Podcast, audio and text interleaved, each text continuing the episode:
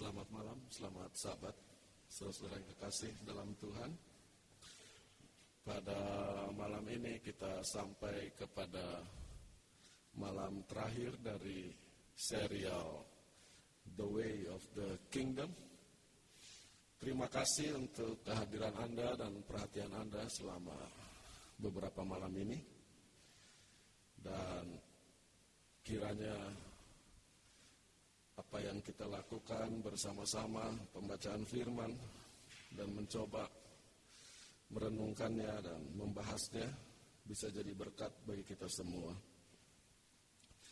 Tadi malam kita melihat pengalaman orang Israel di padang belantara. Dan perjalanan hidup bisa dibandingkan dengan apa yang dialami oleh bangsa Israel. Ketika kita mengalami cobaan dalam hidup, kesusahan, itu bisa dibandingkan dengan padang belantara, tanah kering yang tidak ada airnya. Di sisi lain, mana menggambarkan berkat pemeliharaan dan perlindungan Tuhan. Tapi tadi malam kita coba lihat bahwa baik kesusahan maupun berkat kedua-duanya adalah cara Tuhan mendidik dan membangun kita. Bagaimana belajar untuk berserah, bersandar, dan percaya kepada Tuhan. Di ulangan 8 ayat 15, Musa mengingatkan bangsa Israel bahwa Tuhan menuntun kamu melalui padang belantara yang dahsyat dan menakutkan. Penuh dengan ular-ular berbisa dan kalajengking. Tanah yang kering tidak ada air satu-satunya cara untuk bisa bertahan, untuk bisa hidup di tempat seperti ini hanya kasih sayang pemeliharaan Tuhan. Pada saat yang sama di padang belantara mereka mengalami mana roti yang turun dari sorga. Dan di keluaran 16 ayat 15 diceritakan ketika bangsa Israel melihat makanan ini mereka berkata satu dengan yang kepada yang lain, apa ini? Karena mereka tidak tahu apa ini. Lalu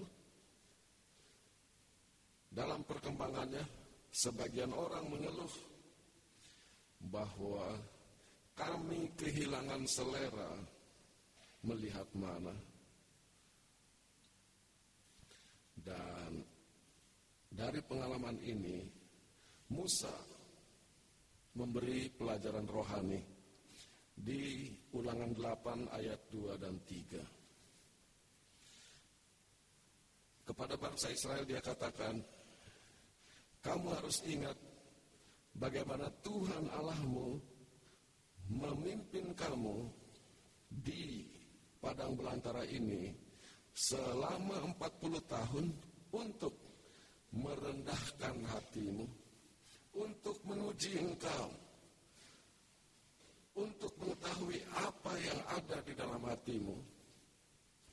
Apakah engkau akan memelihara perintah-perintahnya atau tidak? Dan kata perintah di sini dalam bahasa Ibrani adalah mitzvah, adalah kata-kata bijak petunjuk-petunjuk bijaksana. Dan di ayat 3 dia katakan, dan dia merendahkan hatimu mengizinkan engkau kelaparan dan memberi engkau makan mana yang engkau tidak tahu, leluhurmu juga tidak tahu, supaya kamu mengerti bahwa manusia tidak hidup hanya dari roti saja, tetapi dari tiap firman yang keluar dari mulut Tuhan. Tadi malam kita lihat bagaimana untuk bisa menikmati mana mereka perlu bimbingan Tuhan, nasihat Tuhan. Karena 40 tahun makan mana,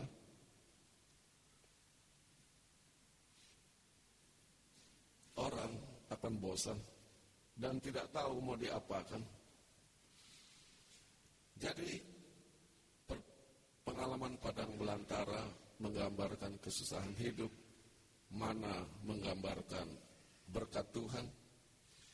Ada sisi yang ketiga dalam perjalanan hidup yaitu ketika kita harus mengalami akibat dari kesalahan-kesalahan dan dosa kita di masa lalu. Hidup kita jadi susah, dan itu adalah bentuk pengalaman padang belantara yang lain. Tetapi di Alkitab berulang kali kepada kita ditunjukkan kalau kita datang kepada Tuhan menyerahkan diri sepenuhnya Tuhan bisa merubah kutuk-kutuk itu menjadi berkat akibat dari kesalahan-kesalahan kita yang harus kita jalani menjadi berkat. Contohnya di kejadian 49 ketika Yakub memberkati anak-anaknya sebelum dia mati. Simeon dan Lewi tidak terima berkat. Yang mereka terima justru kutuk. Karena mereka sebagai kakak beradik membunuh orang satu kampung karena mereka marah, adik mereka Dina dipermainkan. Lalu Yakub berkata, Simeon dan Lewi adalah bersaudara. Alat mereka adalah alat kekejaman. Terkutuklah amarah mereka karena amarahnya itu luar biasa. Kemurkaan mereka sangat kejam Aku akan membagi-bagikan mereka di antara Yakub, mencerai beraikan mereka di antara bangsa Israel. Jadi ketika bangsa Israel masuk ke negeri perjanjian ke Kanaan, Lewi tidak menerima tanah pusaka sebagai warisan. Dia terpencar di antara saudara-saudaranya hidup sebagai penumpang. Tetapi Tuhan merubah kutuk sebagai seorang penumpang yang hanya mengemis belas kasihan. Mereka menjadi imam, pelayan Tuhan yang menjadi guru rohani seluruh bangsa Israel. Mereka hidup di berbagai tempat untuk mengajar, mengingatkan dan menuntun bangsa Israel tentang firman Tuhan. Contoh yang lain adalah pengalaman Musa.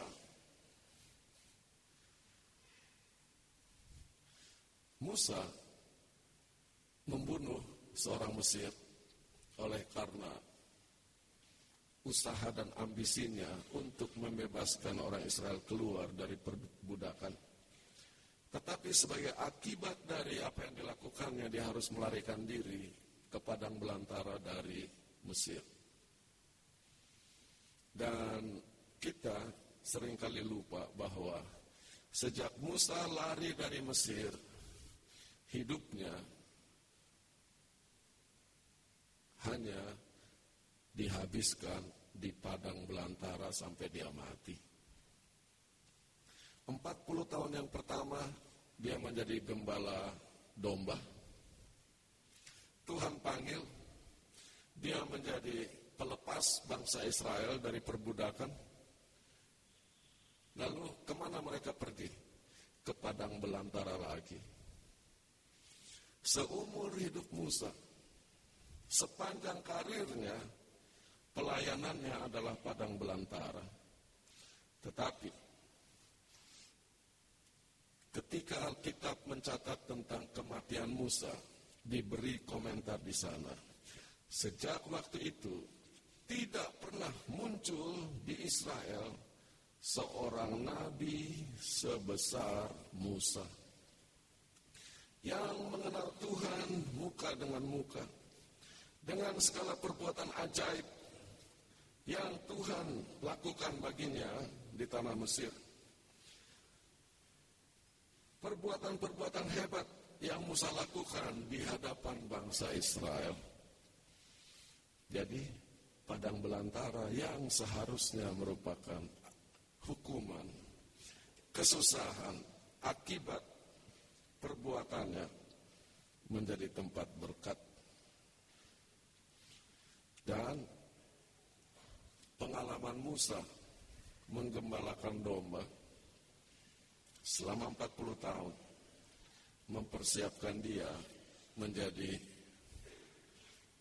pemimpin bangsa Israel 40 tahun berikutnya. Melihat pengalaman Musa saya jadi ingat satu kali saya jadi pendeta di satu jemaat di Amerika, gereja Indonesia. Sebelumnya yang menjadi pendeta di jemaat tersebut adalah seorang Amerika yang harus mengurus orang Indonesia. Lama-lama dia pusing melihat orang Indonesia. Lalu satu kali dia cerita, dulu waktu muda saya pernah jadi koboi urus kuda. Ternyata lebih sukar urus orang Indonesia daripada urus kuda. Lalu orang Indonesia tersinggung semuanya. Kami direndahkan. Masa dibilang lebih mudah urus kuda daripada urus orang Indonesia? Lalu saya jawab, kenapa tersinggung? Memang betul. Kenapa urus kuda lebih mudah daripada urus manusia? Kuda tidak pernah jawab-jawab. Kuda tidak pernah tanya-tanya. Sedangkan manusia tanya, jawab, dan itu memang. Dan kalaupun kuda tanya-tanya, kita tidak tahu dia bicara apa, jadi kita kira dia baik-baik semua. Musa jaga domba persiapan untuk urus manusia yang jauh lebih sukar daripada domba. Sebentar teriak minta air, sebentar teriak minta daging, sebentar teriak ini, teriak itu. Tetapi pengalaman padang belantara bagi Musa, dari situlah Musa menjadi nabi terbesar.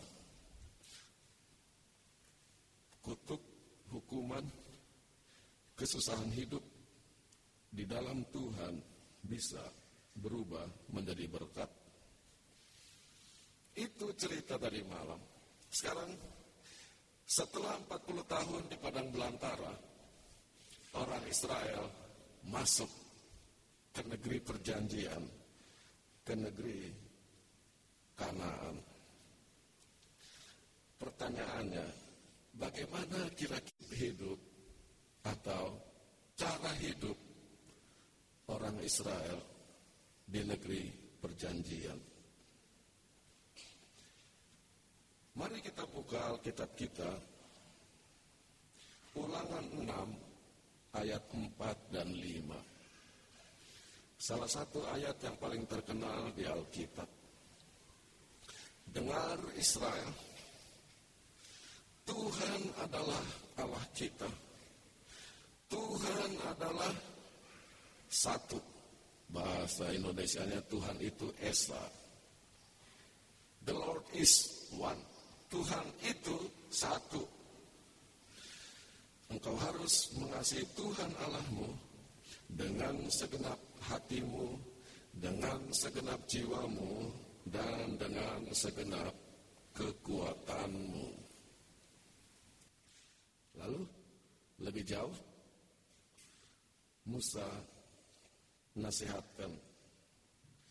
Kata-kata ini yang kuperintahkan kepadamu pada hari ini harus engkau tanam di dalam hatimu. Setelah ditanam di dalam hati, ayat 7, engkau haruslah mengajarkannya dengan tekun kepada anak-anakmu. Membicarakan hal-hal itu ketika engkau sedang duduk di rumahmu, ketika engkau sedang jalan dalam perjalanan, ketika engkau sedang berbaring, dan ketika engkau sedang bangkit. Engkau harus mengikatnya sebagai tanda di tanganmu dan sebagai tanda di dahimu. Engkau harus menuliskannya di atas ambang pintu rumahmu dan ambang pintu gerbangmu. Ini adalah nasihat Musa kepada bangsa Israel yang kita dapati di ulangan pasal 6. Kalau kita lihat di ulangan pasal 11, perintah yang sama diulangi.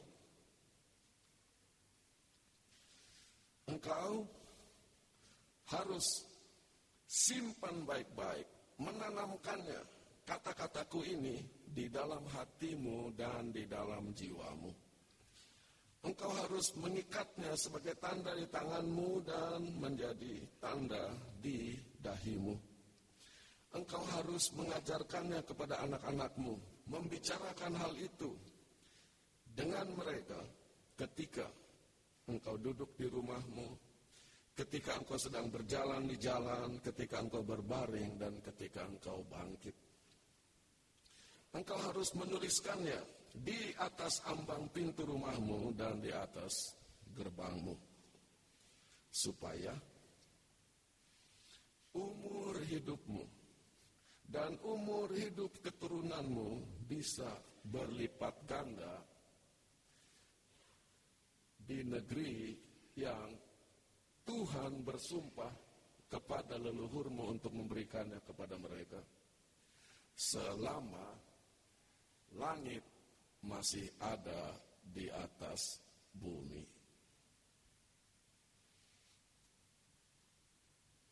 Kalau kita lihat perintah Musa di ulangan 11 hampir merupakan duplikat dari perintah di ulangan 6 tadi. Kalau di ulangan 6 kita tahu Kata-kata ini, ayat 6, yang kuperintahkan kepadamu pada hari ini, kata-kata yang mana? Ayat 4 dan 5. Dengar Israel, Tuhan itu Allah kita, Tuhan itu satu.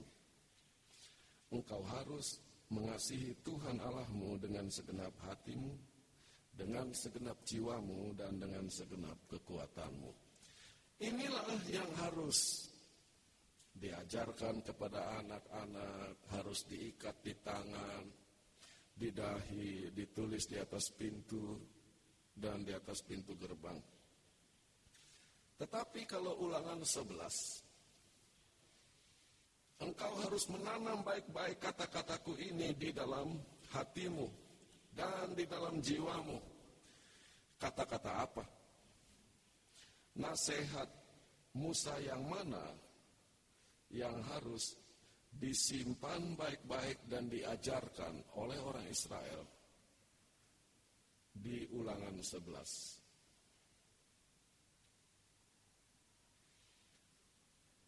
Untuk bisa memahami apa yang terjadi di ulangan 11, saya ingin membahas tentang satu pertanyaan yang sangat sederhana. Kenapa?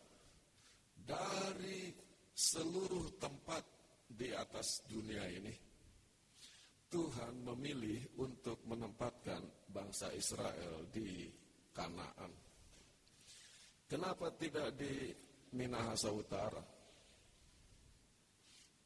Kita semua akan jadi umat Tuhan. Kenapa tidak di Jakarta? Kenapa tidak ditempatkan? Dari semua tempat di seluruh dunia ini, kenapa mereka ditempatkan di sana? Kalau Anda lihat peta yang ada di screen, dan perhatikan tanda panah, itulah wilayah yang sangat kecil, negeri Kanaan. Di kiri atas Anda, bagian Turki. Turki adalah negara unik, yaitu wilayahnya merupakan bagian dari dua benua. Turki Timur dan Turki Barat. Turki Timur Asia, tetapi Turki Barat adalah Eropa. Jadi sudah lihat di sini ada Eropa, di bawah sebelah kiri Mesir, Sudan, Ethiopia, Somalia, Afrika. Di kanan, di timur, Irak, Iran, Saudi Arabia, Asia. Negeri Kanaan secara lokasi adalah tanah persimpangan tiga benua. Dan di sebelah timur dari Kanaan adalah padang belantara. Jadi, orang yang dari Iran atau Irak, Mesopotamia zaman dulu, mau ke Mesir harus naik dulu ke atas dan turun lagi lewat Kanaan dan baru ke Mesir. Orang dari Mesir mau ke Eropa atau mau ke Asia harus lewat di buku para nabi dan bapa. Hamba Tuhan Ellen White menjelaskan fenomena ini. Di zaman Sulaiman, kerajaan Israel terbentang dari Hamat di utara ke Mesir di selatan. Dari Laut Tengah dari Laut Tengah ke Sungai Efrat. Melalui daerah inilah terlintas berbagai jalan raya untuk perekonomian dunia. Dan kafilah dari negeri-negeri yang jauh selalu secara konstan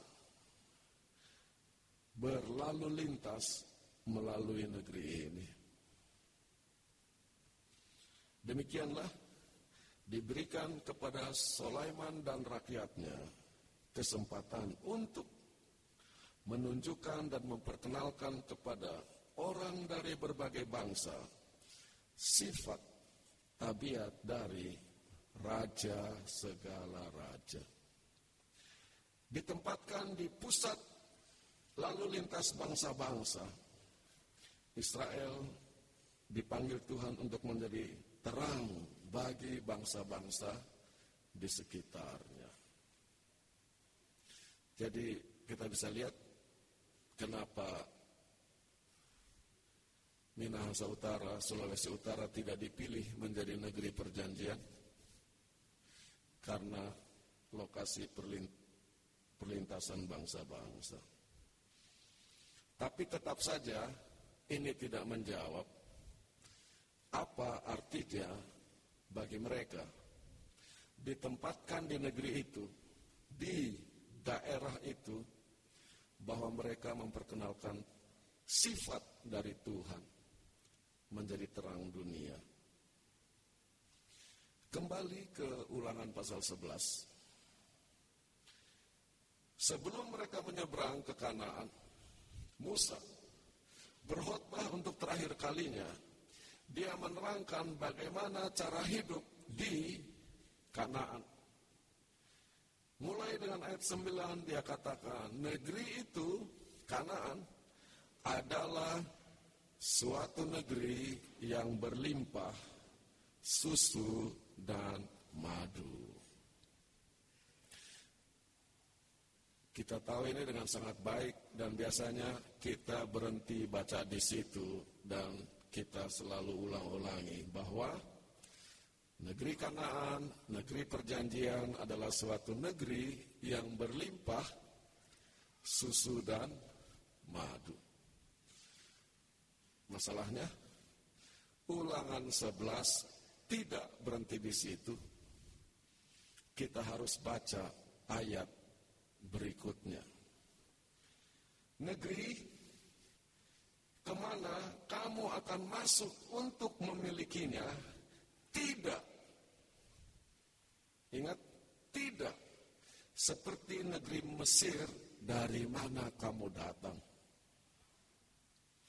Di mana kamu biasa menabur benih, menyirami tanamanmu dengan tendang-tendang air, dan menjadi kebun-kebun sayur. Saya perhatikan apa yang Musa katakan. Mesir memiliki sungai Nil. Sungai yang sangat besar. Di Mesir air berlimpah. Jadi bagaimana cara mereka menyirami tanaman? You water it with your foot. Tendang-tendang air, siram tanaman. Tidak usah perlu cari air karena air berlimpah. Dan hanya dengan menabur benih, menanam benih, disiram pakai kaki, jadi kebun sayur-sayuran. Lalu, tetapi negeri ke mana kamu akan pergi, menyeberang dan memilikinya, adalah negeri berbukit-bukit dan berlembah-lembah yang menerima air hanya dari hujan di langit. Negeri ini bergantung sepenuhnya kepada hujan, tidak punya sungai. Inilah negeri ke mana mereka akan pergi untuk memilikinya. Negeri yang berbukit-bukit dan berlembah. Banyak dari kita tidak sadari bahwa ketika orang Israel keluar dari Mesir, pergi ke Kanaan, mereka meninggalkan tanah yang subur untuk pindah hidup di negeri yang kering. Kita kira, wah kanaan, kanaan, kanaan. Itu adalah ujian yang luar biasa. Itu adalah ujian yang luar biasa. Saudara boleh berargumen. Tapi negeri itu berlimpah susu dan madu ketika pengintai masuk dikatakan buah-buahnya besar. Benar. Karena waktu pengintai masuk, di tahun itu hujan sedang turun. Jadi mereka lihat buah-buahnya bagus. Tetapi negeri seperti Kanaan, kalau hujan tidak turun, bencana kelaparan akan menimpa. Kalau kita baca baik-baik, di zaman Ibrahim, dia masuk ke Kanaan, dia harus pergi ke Mesir oleh karena ada kelaparan hebat, hujan tidak turun. Di zaman Ishak kelaparan hebat. Kenapa sampai keturunan Yakub tinggal di Mesir? Karena kelaparan di Kanaan, mereka harus pindah. Di, di buku Rut kita baca kenapa Elimelek, Naomi dan anak-anaknya pergi ke negeri Moab kelaparan negeri itu berulang kali ditimpa oleh kelaparan ketika hujan tidak turun.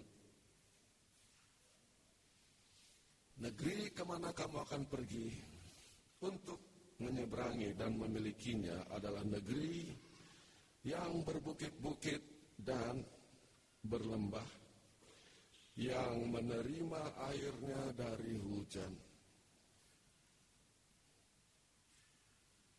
Tetapi walaupun negeri ini demikian dikatakan ayat 12. Negeri yang sangat diperhatikan oleh Tuhan. Mata Tuhan selalu tertuju kepada negeri ini. Sejak awal hingga akhir tahun. Maka ayat 13. Jika kamu dengan tekun mendengarkan dan menurut perintah-perintahku yang aku perintahkan kepadamu pada hari ini, yaitu mengasihi Tuhan Allahmu dan melayani Dia dengan segenap hatimu, dengan segenap jiwamu, maka Tuhan akan memberi hujan kepada tanahmu pada musimnya. Hujan awal dan hujan akhir. Supaya kamu bisa mengumpulkan gandum. Supaya kamu bisa memiliki anggur. Dan supaya kamu bisa punya minyak. Ia akan memberi rumput di padang-padangmu untuk ternakmu, supaya kamu bisa makan dan bisa kenyang. Apa jadi Tuhan? Tuhan akan memberi air. Bagaimana caranya? Hujan. Lihat, di Mesir mereka tidak perlu berdoa. Air berlimpah. Air ditendang-tendang di Mesir kata Musa. Tetapi di negeri perjanjian, cara kamu dapat air hanya satu, yaitu berdoa kepada Tuhan. Hanya melihat ke atas, dan hanya Tuhan yang memberi hujan. Maka sekarang, kejadiannya jadi unik.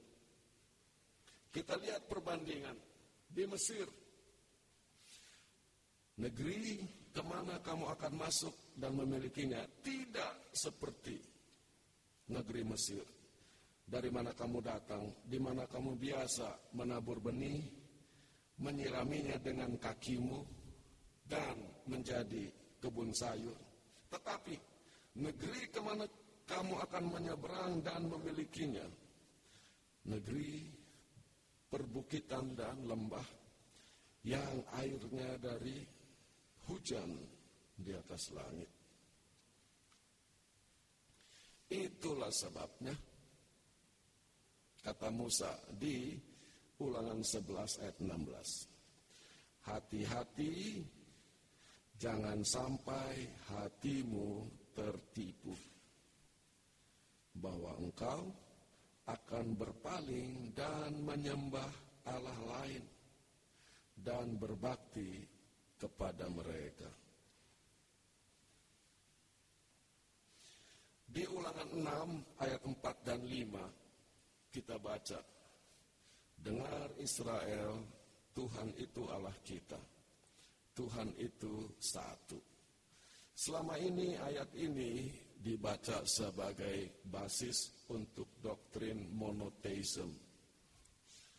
Bahwa Allah itu Esa, Allah itu satu. Yang mana? Bagus, benar. Tetapi di dalam konteks buku ulangan, kata Allah itu satu lebih menunjuk kepada Tuhan itu satu-satunya sumber hidup. Jangan berpaling kepada Allah-Allah lain. Dan orang Israel mengalami itu di zaman Elia ketika mereka menyembah Baal Elia katakan, suruh Baal kasih turun hujan. Hujan tidak turun. Nabi-nabi Baal sampai guling-guling dan berbuat segala macam hujan tidak turun. Hanya Tuhan satu-satunya yang memberi hujan. Bagaimana bangsa Israel bisa hidup di padang belantara? Tadi malam kita belajar hanya satu cara, berserah dan bergantung kepada Tuhan. Padang belantara tidak ada air, penuh dengan ular, penuh kala jengking, bergantung. Bagaimana mereka bisa makan? Bergantung kepada Tuhan. Tuhan kirim mana? Sekarang masuk negeri Kanaan, bagaimana mereka bisa hidup di negeri Kanaan? Bergantung kepada Tuhan. Karena Tuhan satu-satunya pemberi hujan. Jadi saudara tanya, kapan tidak bergantung kepada Tuhan? Justru itu poin yang kita suka lupa. Mau di padang belantara, bahkan mundur. Ketika mereka diperbudak di Mesir, siapa yang keluarkan mereka? Tuhan. Berjalan di padang belantara, siapa yang memelihara mereka? Tuhan. Sekarang kita lihat, hidup di negeri perjanjian, bagaimana cara hidup? Bergantung kepada Tuhan. Manusia tidak pernah bisa hidup lepas dari berkat Tuhan. Ini adalah poin yang sangat penting untuk kita ingat. Mau di padang belantara, mau di negeri perjanjian, tetap prinsipnya sama. Tuhan sumber hidup. Saya akan kembangkan lebih jauh. Kita belajar bahwa nanti kalau kita masuk sorga, kita akan hidup kekal. Benar? Benar, itu janji di Alkitab. Hidup kekal di sorga adalah hidup kekal bersyarat. Apa syaratnya? Bergantung kepada Tuhan. Dan sangat simpel. Tuhan sumber hidup. Begitu kita melepaskan diri dari Tuhan, kita tidak punya hidup. Jadi, mau kapan pun sejarah dunia ini, sejak cerita penciptaan, Tuhan menghembuskan nafas hidup kepada Adam. Sampai buku Wahyu, sorga, Tuhan sumber kehidupan dan apa yang bisa manusia lakukan adalah bergantung sepenuhnya kepadanya. That is the way of the kingdom. Bukan sekarang saya baik-baik masuk sorga, sudah thank you Tuhan saya sudah di sorga, jangan ganggu-ganggu saya lagi. No. mau kapan pun, mau di mana pun, hidup itu bergantung sepenuhnya kepada Tuhan. Kalau kamu, kata Musa, menipu dirimu sendiri, bersandar kepada Allah-Allah lain. Oh, kita bukan orang Israel. Kita tidak pernah bersandar kepada Allah lain. Ingat, apa yang dimaksud di sini? Tuhan sumber hujan. Supaya tanah bisa ditanami, supaya mereka bisa panen dan bisa makan. Betapa sering kita bergantung kepada Allah-Allah lain yang bukan Tuhan. Pekerjaan kita, jabatan kita, nama, fam kita, kebangsaan kita, segala macam yang kita kira itulah sumber-sumber dari mana kita bisa hidup. Tetapi ulangan 11 ayat 16 katakan hati-hati, jangan sampai hatimu tertipu, berpaling dan menyembah dan berbakti kepada Allah lain. Kenapa? Ayat 17. Maka murka Tuhan akan terbakar terhadapmu. Ia akan menutup langit supaya tidak ada hujan dan tanah tidak akan menghasilkan buahnya dan engkau akan binasa dengan cepat di negeri yang baik yang diberikan oleh Tuhan kepadamu. Saya perhatikan Alkitab adalah buku yang aneh. Lihat kalimat yang terakhir. Engkau akan binasa di negeri yang baik. You will perish quickly from the good land. Bagaimana orang bisa mati di negeri yang baik? Karena negeri itu baik atau tidak bergantung sepenuhnya kepada belas kasihan Tuhan kemurahan Tuhan. Apa pikiran tuh Anda membaca ayat ini? Ulangan 11 ayat 17. Kalau kamu menyembah Allah lain, Tuhan akan tersinggung, sakit hati, dia akan marah sama kamu persis seperti seorang pacar cemburu melihat pacarnya ngobrol dengan wanita lain. Apa itu yang terjadi? Tidak. Tuhan hanya membiarkan kita mengikuti apa yang kita mau. Saya sumber hujan. Kamu minta hujan dari sumber lain? Silahkan. Lalu, kenapa dikatakan murka Tuhan akan terbakar atasmu dan langit akan tertutup? Selama ini, satu-satunya sumber hujan adalah memandang ke atas, berdoa kepada Tuhan, berserah kepada Tuhan. Lalu, ketika kita menyembah Allah lain, berharap bahwa Allah itu yang akan memberi hujan, kita lihat ke atas yang ada hanya matahari. Dan karena tidak pernah hujan, makin lama matahari makin panas. Dan makin panas dan makin panas, terasa seperti murka Tuhan sedang terbakar atas kita. Tuhan tidak bikin apa-apa, hanya hujan yang tidak turun dan langit di atas rasanya seperti membakar kita. Ingat prinsip ini. Mau di negeri Kanaan, mau di padang belantara, Tuhan satu-satunya sumber hidup, maka sekarang kita datang ke ayat 18. Itulah sebabnya. Tanam baik-baik kata-kataku di dalam hatimu dan di dalam jiwamu Ikat itu di tanganmu. Ikat itu di dahimu. Ajar itu kepada anak-anakmu. Bicarakan itu ketika engkau duduk di rumahmu, ketika engkau sedang berjalan di jalan, ketika engkau berbaring, ketika engkau bangkit. Tulis itu di ambang pintu rumahmu. Kenapa? Setiap kali mau masuk rumah, ingat siapa sumber kehidupan.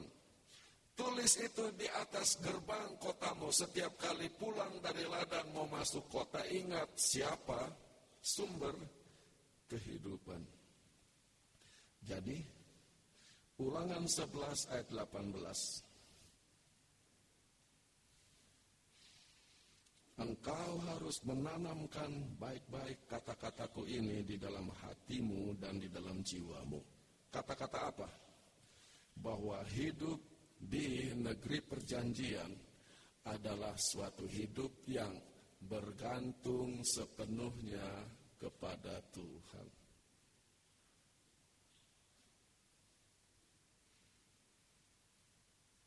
Ada buku judulnya An Marketing. An Marketing, jangan jualan. Tetapi setelah menulis An Marketing, Kalimat berikutnya jadi stop marketing, start engaging. Everything has changed and nothing is different. Ini adalah kalimat yang unik. Segala sesuatu sudah berubah, tetapi tidak ada yang berbeda. Jadi, hidup di padang belantara berubah dengan hidup di negeri perjanjian. Tetapi tidak ada yang berbeda. Prinsipnya sama, yaitu bergantung sepenuhnya kepada Tuhan. Hidup kita jauh berbeda dari orang Israel ribuan tahun yang lalu. Everything has changed. Prinsipnya tetap sama. Nothing is different. Bergantung sepenuhnya kepada Tuhan. Uh, saya ingin komentar sedikit tentang buku Unmarketing ini. Buku ini mengingatkan kita bahwa laporan penjualan bukan tujuan utama. Kalau orang mengejar laporan, maka dia paksa orang, dia dorong orang beli produk saya. Tetapi karena dipaksa-paksa, karena didorong-dorong, Mungkin mereka beli dan mungkin produknya tidak sebaik yang mereka harapkan. Mereka hanya beli satu kali dan tidak akan pernah datang lagi kepada kita. Sebaliknya, orang dengan siapa kita tawarkan baik-baik, kita terangkan baik-baik, kita perlihatkan baik-baik produk yang kita tawarkan. Mungkin oleh karena kondisi keuangan mereka, tidak memungkinkan, mereka tidak beli. Tetapi satu kali nanti, karena mereka ingat apa yang kita lakukan, kalau mereka punya dana dan mereka perlu, mereka beli barang kita. Dan kalau mereka senang, mereka akan kembali kepada kita long term customer. Mereka akan cerita kepada teman-temannya. Saudara prinsip ini dan dengan sangat hormat ini prinsip yang sama dalam penarikan jiwa. Di mana-mana gereja Advent sangat report oriented. Pokoknya gimana bisa laporan baptisan? Di mana orangnya sekarang? Apakah mereka akan sangat senang sampai keluarga-keluarganya ikut bergabung? Kita senang sekali dengan cerita. Dia dibuang oleh keluarganya karena masuk Advent. Ada yang salah dengan Advent kalau sampai orang dibuang keluarga masuk Advent. Harusnya orang akan, wah senang sekali hidup orang ini dan sebagainya dan sebagainya. Tolong yang rekam nanti bagian ini dihapus ya. There is something wrong. Itu yang dimaksud dengan buku unmarketing. Selama ini para salesman hanya laporan penjualan laporan tidak mengingat hubungan jangka panjang dengan para pelanggan. Hubungan yang baik dengan para pelanggan. Cukup. Tapi sebenarnya yang mau saya tekankan adalah segala sesuatu berubah tetapi tidak ada yang berbeda. Mau hidup zaman kapan pun kelihatannya berbeda, tetapi prinsipnya sama, bergantung sepenuhnya kepada Tuhan. Lalu Setelah bicara tentang janji Tuhan, kita kembali ke ayat 14 dari ulangan 11. Tuhan katanya menyayangi negeri ini. Matanya tertuju kepada negeri ini di ayat 12. Dan apa yang Tuhan lakukan? Tuhan memberi hujan kepada tanahmu pada musimnya hujan awal dan hujan akhir. Supaya kamu bisa mengumpulkan gandum, supaya kamu bisa punya anggur, supaya kamu bisa punya minyak, supaya ada rumput di padang-padangmu, ternakmu bisa makan, kamu bisa makan, dan kamu bisa kenyang. Untuk pertama kali di Alkitab, muncul kata-kata hujan awal dan hujan akhir. Bicara apa itu? Cara hidup di negeri perjanjian. Bahwa Tuhan akan menurunkan hujan pada musimnya, yaitu hujan awal dan hujan akhir. Mari kita lihat musim hujan di Palestina. Satu tahun di Palestina bisa dibagi dua, kurang lebih, yaitu musim hujan dan musim kemarau. Musim hujan dimulai awal bulan November dan berakhir pada bulan April. Dari November sampai April itu namanya musim hujan. Hujan di Palestina tidak banyak jumlah curahnya. Jadi hujan turun, beberapa minggu tidak ada hujan, turun lagi, tidak ada hujan, turun lagi. Tetapi satu musim itu berjalan dari April sampai, oh sorry, dari November sampai April. Maka kurang lebih hujan awal itu berlangsung sepanjang bulan November sampai pertengahan bulan Desember. Itulah yang disebut hujan awal. Habis itu mereka sebut hujan musim dingin. Karena suhu udara dingin dari pertengahan Desember sampai pertengahan Maret. Setelah itu Dari pertengahan Maret sampai akhir April atau awal Mei disebut hujan akhir. Ada satu poin yang perlu Anda perhatikan di sini. Hujan awal dan hujan akhir adalah satu musim yang sama, tidak terputus. Sejak ada hujan awal, bulan November, terus musim hujan sampai hujan akhir di akhir bulan April atau awal bulan Mei. Ia akan memberi hujan kepada tanahmu pada musimnya. Hujan awal dan hujan akhir. Supaya engkau bisa mengumpulkan gandum. Jadi di zaman hujan awal mereka mulai tanam. Dan tanaman itu dihujani terus makanya bertumbuh.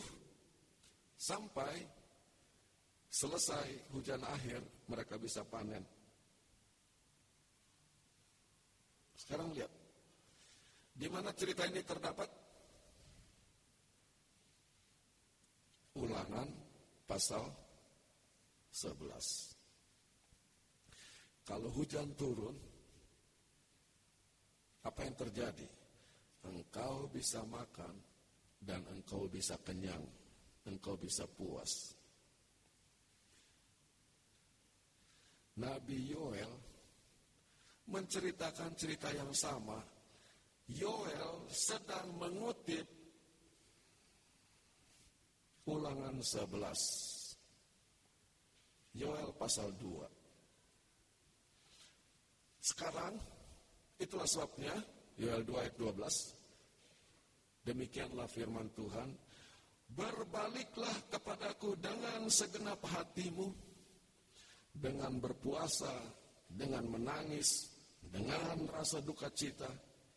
Dan Tuhan akan menjawab dan berkata kepada umatnya, Lihat, aku akan mengirim gandum, anggur, dan minyak, dan aku dan engkau akan dikenyangkan oleh mereka. Saya bisa lihat bahasa ulangan 11. Aku akan mengirim hujan pada musimnya, hujan awal dan hujan akhir. Ulangan 11 ayat 14. Akibatnya di ayat 15, kamu akan makan dan kamu akan puas, kamu akan kenyang. Yoel 2 menunjuk kepada ulangan 11, aku akan mengirim gandum, anggur dan minyak, kamu akan dikenyangkan olehnya. Lalu ayat 2 sampungan buku Yoel pasal 2. Bersukacitalah hai anak-anak Sion. Bersukacitalah di dalam Tuhan Allahmu karena ia telah memberi hujan awal dengan setia dan dia akan membuat hujan turun kepadamu yaitu hujan awal dan hujan akhir maka lumbungmu akan penuh dengan gandum. Buli-bulimu akan berlimpah dengan anggur dan dengan minyak. Jadi bahasa hujan awal, hujan akhir di buku Yoel itu dibangun di atas ulangan pasal 11. Ia akan memberi hujan awal dan hujan akhir hujan awal, hujan awal dan hujan akhir. Dan hasilnya lumbung penuh dengan gandum, buli-buli penuh dengan anggur dan minyak. Lalu setelah itu apa yang terjadi di buku Yoel? maka kamu akan tahu bahwa aku ada di tengah-tengah Israel. Akulah Tuhan Allahmu dan tidak ada yang lain, kata Yoel. Bahasa dari mana itu? Ulangan 11 ayat 16. Hati-hati, jangan sampai hatimu tertipu berbalik dan menyembah Allah lain dan berbakti kepadanya. Itu ayat 27 dari Yoel 2. Oke? Okay? Masih bicara kalau ada hujan, ada makanan. Kalau ada makanan, kamu kenyang.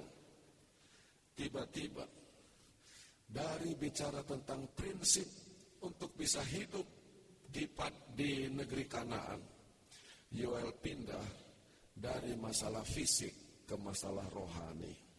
Dan akan tiba saatnya setelah itu aku akan mencurahkan roh kudusku kepada segenap makhluk. Anakmu dan laki-laki dan perempuan akan bernubuat. Orang-orang tuamu akan melihat mimpi. Anak-anak mudamu akan melihat hayal. Hambaku laki-laki dan hambaku perempuan. Kepada mereka aku akan curahkan roh kudus. Bicara apa, Yoel? Simple. Sebagaimana supaya kita bisa hidup secara fisik, kita harus bergantung kepada Tuhan. Kerohanian kita bisa hidup hanya kalau kita bergantung kepada Tuhan. Sebagaimana Tuhan mencurahkan hujan, air, supaya tanah bisa hidup. Roh Kudus adalah pemberian Tuhan untuk kerohanian kita.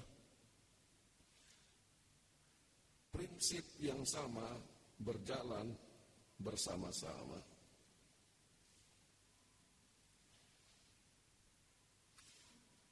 Masalahnya setiap kali baca Yoel pasal 2, kita langsung ingat cerita di kisah para rasul hari raya Pentakosta dan Petrus katakan ini kegenapan nubuatan Yoel.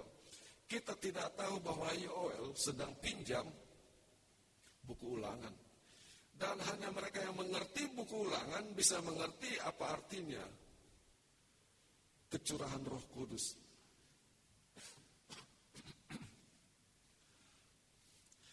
Dan selama ini kita diajar atau kita baca di Alkitab. Kenapa pada hari raya Pentakosta murid-murid kecurahan roh kudus? Oh karena mereka bersatu. Mereka berdoa bersama-sama. Maka habis itu kepada kita sudah ayo bersatu, ayo bersatu, ayo bersatu. Masalahnya semakin disuruh bersatu, semakin ribut kita. Semakin tidak cocok satu sama lain. Kenapa? Sangat simpel. Mau dipasak, dipaksa bersatu, kalau orang tidak satu pikiran, dan satu tujuan, tidak ada persatuan. Tetapi kalau orang satu pikiran, satu tujuan, orang yang tidak cocok pun yang sangat berbeda jadi satu.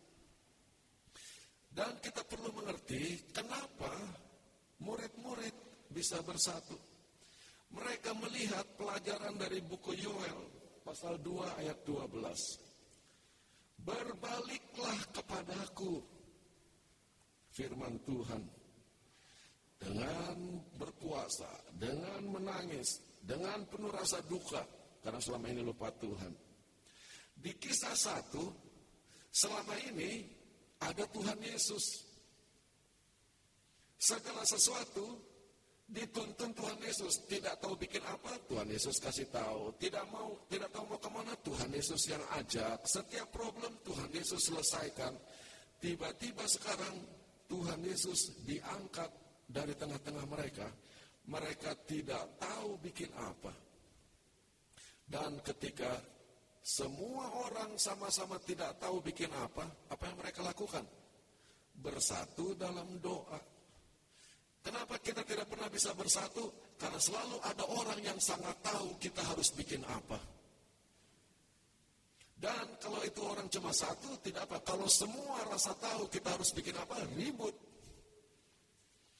Murid-murid bersatu karena mereka sama-sama merasa tidak tahu mau bikin apa. Dan satu-satunya cara yang mereka lakukan apa? Bersatu dan berdoa. Prinsip dari mana itu? Hidup di kanaan. Satu-satunya cara hujan turun bagaimana? melihat ke atas, berdoa dan berserah kepada Tuhan. Prinsipnya tidak pernah berubah. Ingat, musim hujan di Palestina hanya ada satu musim dari hujan awal sampai hujan akhir tidak pernah berhenti. Hujan awal dan hujan akhir bukan dua musim yang berbeda, tetapi itu dua fase dari musim yang sama.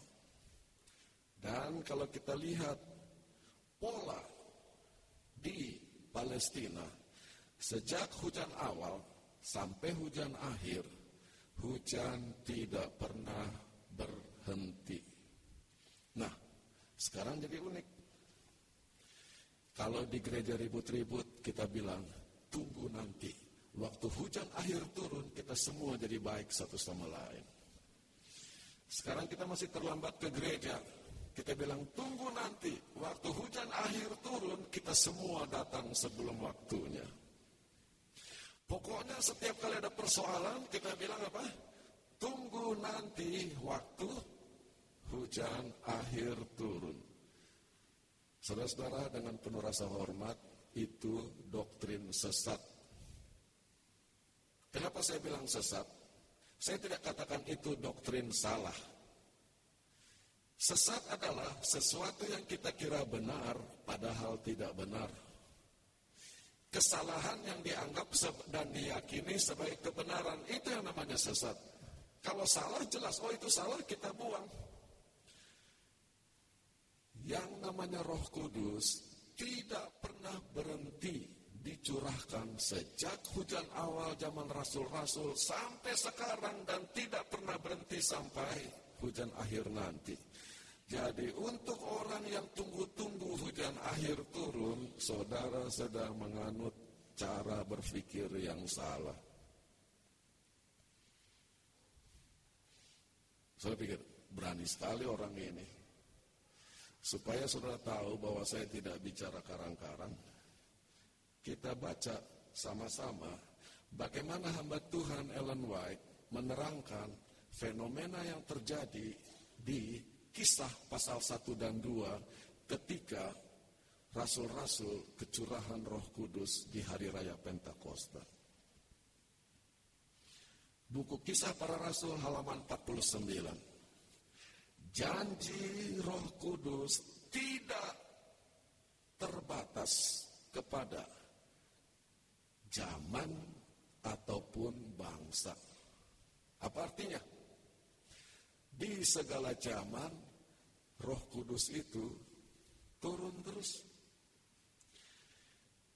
Kristus menyatakan bahwa pengaruh ilahi dari Roh Kudus akan mendampingi pengikutnya sampai akhir zaman sejak hari Raja Pentakosta sampai sekarang kata Ellen White.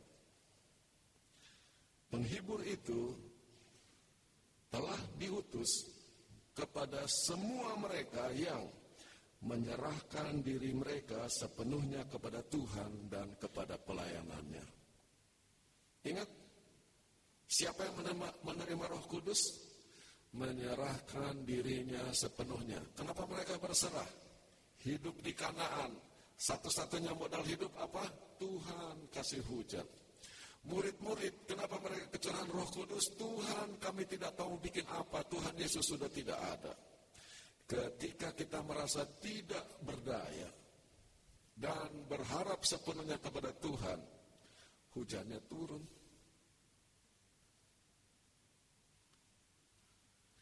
Pria dan wanita sepanjang zaman, sepanjang abad-abad tidak pernah berhenti kata Ellen White. Mengalami aniaya, mengalami cobaan, mereka menikmati jumlah yang sangat besar dari kehadiran Roh Kudus di dalam hidup mereka. berdiri sebagai tanda dan keajaiban bagi dunia di hadapan malaikat dan di hadapan sesama manusia, mereka menunjukkan betapa hebatnya kuasa yang merubah dari kasih yang menebus itu.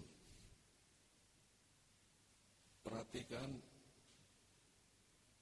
kalimat ini baik-baik. Sepanjang abad-abad segala zaman, through the long centuries, umat Tuhan dari berbagai zaman katanya mengalami aniaya, kesusahan. Tetapi di dalam aniaya dan kesusahan mereka menikmati apa? Roh Kudus. Prinsip dari mana itu? Hidup di padang belantara, hidup susah, tetapi Tuhan mendampingi mereka. Lalu, apa bukti terbesar bahwa seseorang kecurahan roh kudus? The transforming power. Bukti terbesar bahwa orang dituntun roh kudus adalah tabiatnya berubah, hidupnya berubah. Mungkin problem kita dengan Roh Kudus adalah kita tunggu-tunggu tanda yang salah. Sampai kita tidak mengerti, tidak melihat, dan tidak menghargai Roh Kudus sedang dicurahkan dengan sangat hebat sepanjang zaman dari hujan awal Pantekosta sampai akhir zaman. Kita baca lebih jauh kalimat keterangan ini. Mereka, murid-murid, pengikut Yesus, yang pada hari raya Pantekosta diberkati dengan kuasa dari atas, tidak pernah bebas dari pencobaan dan penggodaan. Those who at Pentecost were endued with power from high were not thereby freed from further temptation and trial. Walaupun sore kecurahan roh kudus tidak berarti hidup Anda akan bebas dari pencobaan dan tidak akan bebas dari kesusahan. Tiap-tiap hari mereka berdoa untuk anugerah yang segar Prinsip dari mana itu? Mana turun setiap hari dan kita harus keluar kumpulkan mana setiap hari. Roh Kudus harus dimohon setiap hari. Supaya apa? Supaya mereka bisa mencapai standar yang lebih tinggi dan lebih tinggi lagi dan lebih tinggi lagi dari kesempurnaan di bawah pengaruh pekerjaan Roh Kudus. Bahkan orang yang paling lemah dengan menunjukkan iman kepada Allah bisa belajar untuk memperbaiki hidup mereka, menjadi disucikan, dimurnikan, dan menjadi agung Lebih jauh lagi. Berlalunya waktu tidak pernah merubah janji Yesus ketika dia berpisah dari murid-muridnya untuk mengirim roh kudus sebagai wakilnya atau penggantinya.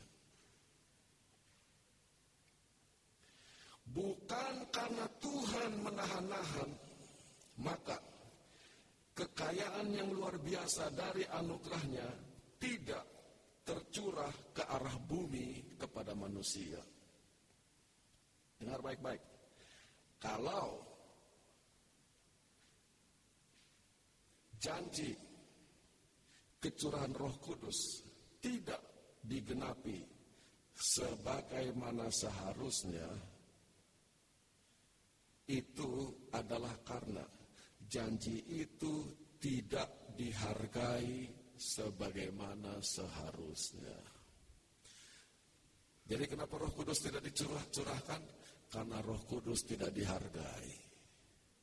kita lebih menghargai jumlah perpuluhan, jumlah baptisan, siapa yang bisa naik, siapa yang bisa turun, siapa anggota komite, siapa bukan, siapa pendeta di kota, supaya kalau itu yang dihargai, roh kudusnya nggak bisa bergerak. Ellen White yang bilang, bukan saya. Dan ini sudah ratusan tahun ada dan dia sedang menasehati umat Advent, pengerja, pimpinan dari sejak dia menulis buku ini. Kalau kita mau, ini masih Ellen White terus tulisnya. Kalau kita mau, setiap orang bisa dipenuhi dengan roh kudus. Tetapi ketika keperluan akan roh kudus hanya merupakan hal-hal yang sambil lalu dipikirkan, a matter little thought of, hanya dipikirkan dengan sambil lalu. Kita akan melihat kekeringan rohani, kegelapan rohani, kemerosotan rohani, dan kematian. Ketika hal-hal yang remeh-temeh jadi masalah utama. Yaitu yang tadi saya bilang. Itu yang remeh-remeh. Dia tidak salam saya waktu saya masuk gereja. Orang itu lupa hormat sama saya. Hal yang remeh-temeh jadi persoalan besar. The divine power, kuasa ilahi yang perlu untuk pertumbuhan dan kemakmuran gereja dan yang bisa membawa berkat-berkat yang lain di dalam gerbongnya jadi berkurang, walaupun sebetulnya dijanjikan dengan berlimpah-limpah. Di mana problem kita? Masalah-masalah remeh jadi problem utama sementara keperluan terbesar tidak pernah dipikirkan yaitu keperluan akan Roh Kudus.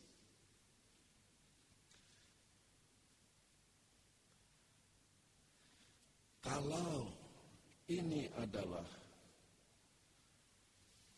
satu-satunya cara bagi kita untuk menerima kuasa. Kenapa kita tidak lapar dan haus akan karunia Roh Kudus? Kenapa kita tidak bicarakan ini? Sekarang saya bicarakan, kelihatan saya jadi orang aneh. Kenapa kita tidak doakan ini? Kenapa kita tidak khotbahkan ini? Tuhan lebih dari ingin memberi roh kudus kepada mereka yang melayani dia lebih dari seorang orang tua ingin memberi hadiah yang baik kepada anak-anaknya. Kita sayang anak, kita mimpi-mimpi bisa punya uang, saya bisa beli hadiah yang baik-baik. Tuhan lebih dari itu katanya ingin kasih roh kudus. kumpulan-kumpulan pekerja Kristen harus berkumpul. Waktu berkumpul bikin apa? Ask for special help. Minta pertolongan khusus. Minta apa lagi? Heavenly wisdom, hikmat dari sorga. Supaya apa? Bisa bikin rencana kerja dan melaksanakan pekerjaan itu dengan benar.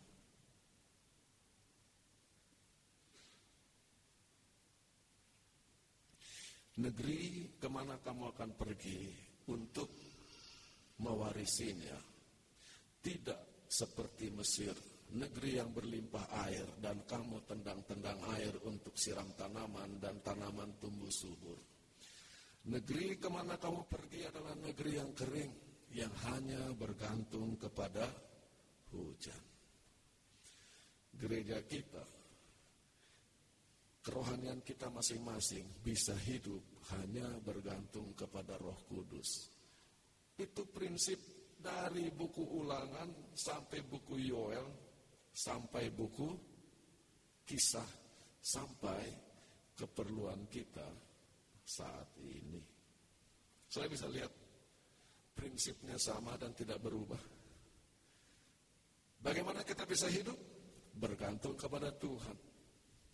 Dan roh kudus adalah bentuk cara Tuhan menopang kehidupan kita. Mari kita berdoa. Tuhan, terima kasih pada malam ini, malam sahabat.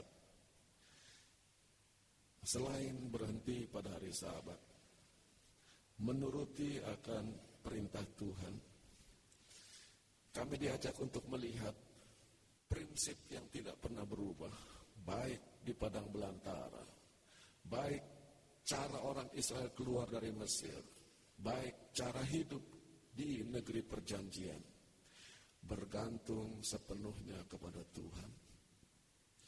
Ajarlah kami menyadari hal ini, dan jika kami menyadari ketidakberdayaan kami, maka kami semua akan dipersatukan dalam doa dan memohon kecurahan Roh Kudus. Kiranya kerinduan ini, nasihat yang telah ditulis oleh hamba Tuhan puluhan tahun yang lalu, akan menjadi kenyataan di dalam hidup kami, di dalam kehidupan jemaat-jemaat kami. Dan nama Tuhan dipermuliakan, dan kami bisa makan dan bisa kenyang dan bisa dipuaskan.